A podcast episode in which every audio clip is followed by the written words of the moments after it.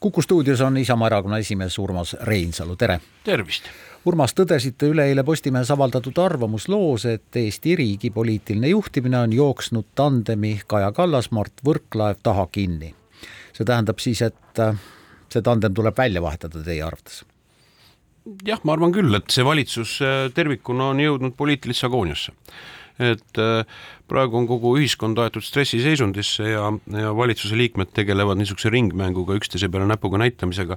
tegelikkuses oleks, oleks olnud täiesti ratsionaalselt, mõistlikult võimalik olnud see streik ära hoida, praegu on jäänud kuidagi tahaplaanile laps, koolilapsed, kes kooli ei saa minna, õpetajad, lapsevanemad ja noh, kui see valik on praegu valitsusel võetud, et lihtsalt õpetajaid alandada ja et äh, siis kindlasti on selle tulemuseks ka ma arvan, väga ebakindlas olukorras ja demotiveeritud meie koolirahvas, nii et äh, minu sõnum on üks, äh, et väiksemad koalitsioonipartnerid, kes võtavad nii-öelda poose avalikus retoorikas, vastanduvad Reformierakonnale, neil samas ei ole olnud sisemist julgust äh, ennast selles koalitsioonis kehtestada ratsionaalse valiku ja lahenduse leidmiseks.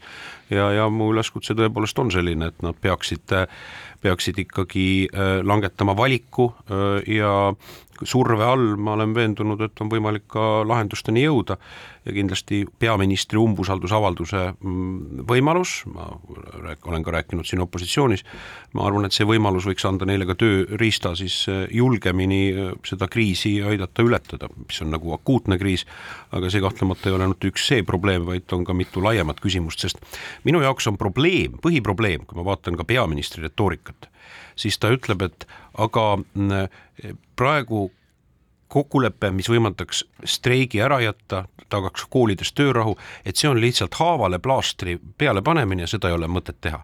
siin läheb minu seisukoht totaalselt peaministri arusaamaga vastakuti. ma arvan, et eriti just sellises kriisikeskkonnas, kus Eesti on, ongi valitsuse ülesanne esimene ülesanne, tagada ühiskonnas sisemist rahu ehk tema retoorikas siis nii-öelda plaastrit probleemidele peale panna riigieelarve kontrolli erikomisjoni esimehena on teil, Urmas, ilmselt parem ülevaade kui meil siin stuudios. et kas riigil on see esmase tulekahju kustutav või see plaastrina peale pandav kümme miljonit siis kuskilt võtta palgatõusuks ja kui see on, kas see on siis Haridusministeeriumi eelarves, nagu väidab Võrklaev, või kuskil mujal?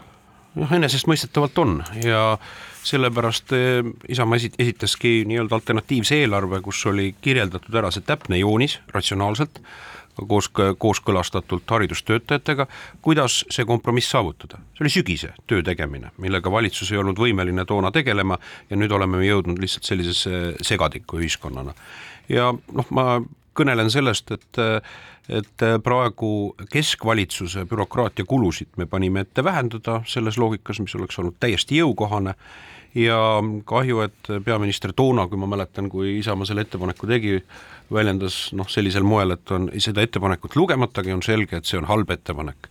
noh, nüüd me näeme selles tohuvabohus, et millisesse noh, niisuguse peataolekusse on sattunud valitsus võimetult, kuna ta ei ole suutnud varem öö, äh, probleeme lahendada. Ja kahtlemata on võimalik ka reaalajas öö, äh, lahendus sellele küsimusele leida ja langetada lihtsalt konkreetne otsus. Noh, Reformierakond on ilmselt saanud kollektiivse ülesande süüdistada just haridusministrit äh, haridusreformide tegemata jätmises, kas see on Kaja Kallase ja Mart Võrklaeva tüüpiline selline poliitiline viis käituda, sellepärast et minu meelest Kaja Kallas on rääkinud reformide tegemise vajalikkusest äh, küll väga, vägagi palju. Jah, ma arvan küll, et äh, eks Reformierakond on üsna enesekindel oma võimuvertikaalis ja kui väiksemad koalitsioonipartnerid on talle andnud selleks äh, ka julgust, mõnes kontekstis lausa jultumust, siis nad kasutavad seda võimu äh, maksimaalselt. ja see on loomulikult selles mõttes halb, et praegu me näeme, et käib parteidevaheline võitlus, mitte aga praktiline ülesande lahendamine, et võtta ühiskonnas mõttetut stressi tekitav pinge ja vastasseis maha, selleks et me saaksime keskenduda põhiküsimustele ja ma tuletan meelde, et meie põhiküsimus, millega valitsus ei ole paraku, nagu ma vaatasin, ei detsembris ega jaanuaris tegelenud, on meie majanduse kiirelt halvenev käekäik. jaanuari alul ma andsin peaministrile üle äh, rea punkte, kus ma panin ette valitsuse tööplaani, millega tuleks tegeleda akuutselt kriisis, nii rahandus- kui majandusküsimustega tegeledes, aga esimene punkt, mis ma kirjutasin, et ühiskonna huvides on tagada koolides töörahu, et äh, aga me näeme, et valitsus on noh, nii-öelda paraku juhtimisvõimetu, et seda niisugust probleemi, et kuidas küsimus lahendada, niisugusel kujul ei ole valitsus iseendale ju suutnud püstitadagi. Urmas, tolle sama juba viidatud arvamusloo juures mm, toote välja, et lõpplahendus oleks see, et koalitsioon saaks teha restardi, kohe tekib küsimus, milline koalitsioon, kas seesama koalitsioon ei näe nagu väga võimalikuna? noh, see sõltub nende poliitilistest eelistustest loogikana, et äh, lähte-eeldus on see, et seesama koalitsioon äh, on tegelikult ju toimib äh, selles loogikas, et neil on siis lähedasemat rohkem kui lahkuva viimavat. aga milles ma juhin tähelepanu, et praegu me näeme, noh, minu diagnoosi järgi, et äh, üks asi on poliitiline ideoloogia, mida ellu viiakse, aga väga paljuski on see ikkagi kinni peaministri, aga noh, ka tema mandaadi tuules tegutsevas rahandusministris. ja see on väga paljuski isiksusliku juhtimisküsimuse ja autoriteedi probleem. et ma hoiatasin juba sügisel, et et valitsus on sattunud ka peaministri isiklike skandaalide noh, kontekstis, on sattunud, on sattunud juhtimiskriisi ja me näeme, et see juhtimiskriis on muutnud nüüd juba noh, lausa kõikehõlmavaks, kogu ühiskonda puudutavaks äh, probleemiks. see ei ole normaalsus, mis meil täna ühiskonnas valitseb ja seda tuleb ausalt tunnistada. ja seetõttu on mõistlik kindlasti äh, parlamendis äh, ka seda küsimust arutada ja, ja, ja ka peaministrile umbusaldusavaldus selles loogikas teha, ma loodan, et see umbusaldusavaldus muutub ka teatud relvaks, kui väiksemad koalitsioonipartnerid julgevad seda kasutada ära, et saavutada vähemalt akuutne lahendus selles vastasseisus täna koolirahvaga, mis on valitsusel. no nii sellel aga ka järgmisel ja võib-olla ülejärgmisel ja võib-olla veel sellele järgneval valitsusel on ees ikkagi väga sügavad mured ja kokkulepped, te viitasite sellele, mis seisus on Eesti majandus. kui juba praegu muutub kümne miljoni euro leidmine nii pööraselt raskeks, siis kust leitakse veel haridusse hinnanguliselt vajaminev nelisada miljonit lähiaastatel, puuduolev miljard, millest räägitakse ja nii edasi, nii edasi no meie keskne küsimus on täna selles, et meie majanduse noh, ütleme siis jooksev maht või nominaalne maht väheneb ja selle võrra on meil ka tegelikult riigieelarves vähem tulusid keskne küsimus on täna selles, kuidas val-, milline on valitsuse poliitiline käsitlus, et väljuda majanduslanguseks, langusest selleks, et meie majanduse maht oleks suurem ja selle läbi laekuks ka riigile rohkem eelarvetulusid.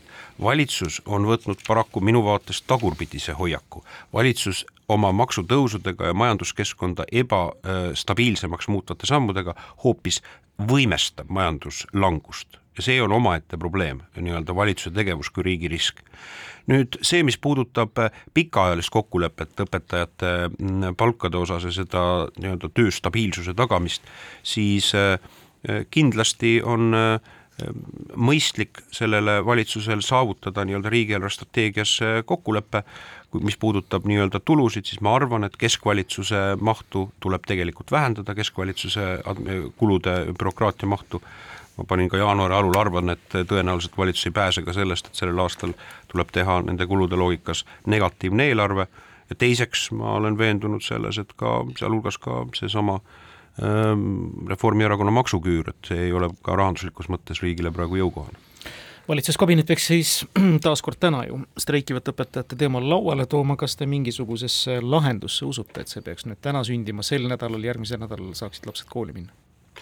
Mm, loomulikult ma äh, olen täis lootust ja julgustanud kõiki koalitsioonipoliitikuid noh, nii-öelda jätma kõrvale igasugused need parteide võimumängud, mis praegu koalitsioonis käivad ja leidma lihtsalt akuutne lahendus, et lapsed saaksid äh, kooli minna. et äh, õpetajatel oleks noh, mingisugune optimism tulevikku vaadates.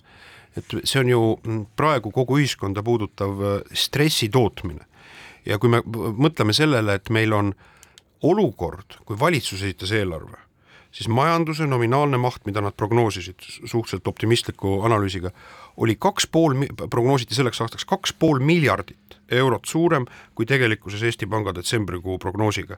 ja selles olukorras tegeleb Eesti Vabariigi põhiseaduslik valitsus, mehed ja naised, kes riiki juhivad, ringmänguga, kust leida kümme miljonit eurot. Ma küll annan teile piltliku loogika, kus äh, Kaja Kallase valitsuse poliitiline prioriteet sellel aastal oli ehitada keskkonnaasutustele uus haldushoone äh, maksumusega üle kolmekümne miljoni euro, see on poliitiline valik. ja nüüd selles olukorras siis tegeletakse otsimisega selle kümne miljoni euro puhul no see, mis toimub praegu Saksamaal, põllumehed streigivad, liiklus seisab, raudteefirmad streigivad, liiklus seisab, kas Urmas Reinsalu, kas te ei näe seda ohtu, et kui nüüd õpetajad ja haridussüsteemi töötajad saavad noh, kui mitte sada protsenti seda, mida nad soovivad, vaid noh, kaheksakümmend või seitsekümmend viis protsenti, siis tuleb streigilaine, siis hakkavad teiste valdkondade töötajad ju samamoodi streikima. Majandus läheb veel rohkem alla. ei, ma ei arva, et ühiskonna nii-öelda niisugused streigid on ühiskonnas lahenduste leidmise mõistlik loogika. seetõttu pidasime ka mõistlikuks, et see streiki ei peaks olema, vaid väärikalt suheldes saavutatakse kokkulepe. mida ütles Vabariigi President nädalavahetusel? krooniline kokkuleppimatus. kokkuleppimatus, meil valitseb täielik vastasseis ja ühiskonna usalduse puudumine. ega ma annan endale aru, nii palju, kui ma olen haridusinimestega rääkinud, ega küsimus eraldi võetuna ei ole taandunudki ju sellele küsimus e, e, noh, nii-öelda sellele noh, kümnele miljonile, see on küsimus eneseväärikusest ja sellest, et, et kokkuleppeid ja sõnu äh, on murtud, mida on varasemalt antud. ja ma arvan, selles loogikas on äh, dialoogis võimalik saavutada kokkulepe, mitte ühiskonda ehitada üles sellisele vastasseisu kultuurile, et me kujutame ette, et meie ühiskond on nagu Egiptuse püramiid, kus on siis valitsejad seal püramiidi otsas ja nii-öelda ülejäänud ühiskond on allpool. noh, kriisi, eriti kriisiolukorras ja väikese ühiskonnana meil ei ole võimalik nii noh, nii-öelda keskendu-, ütleme, on, on võimalik küll ühiskonda korraldada, aga see tähendab, see ühiskond muutub õudselt öö, umbusku tekitavaks vastastikku ja teiseks, see tähendab seda, et ühiskonna sisemine efektiivsus põhiküsimuste lahendamiseks raugeb. suur tänu, et leidsite mahti tulla, Urmas Reinsalu, Isamaa Erakonna esimees, edu jõudu teile! aitäh!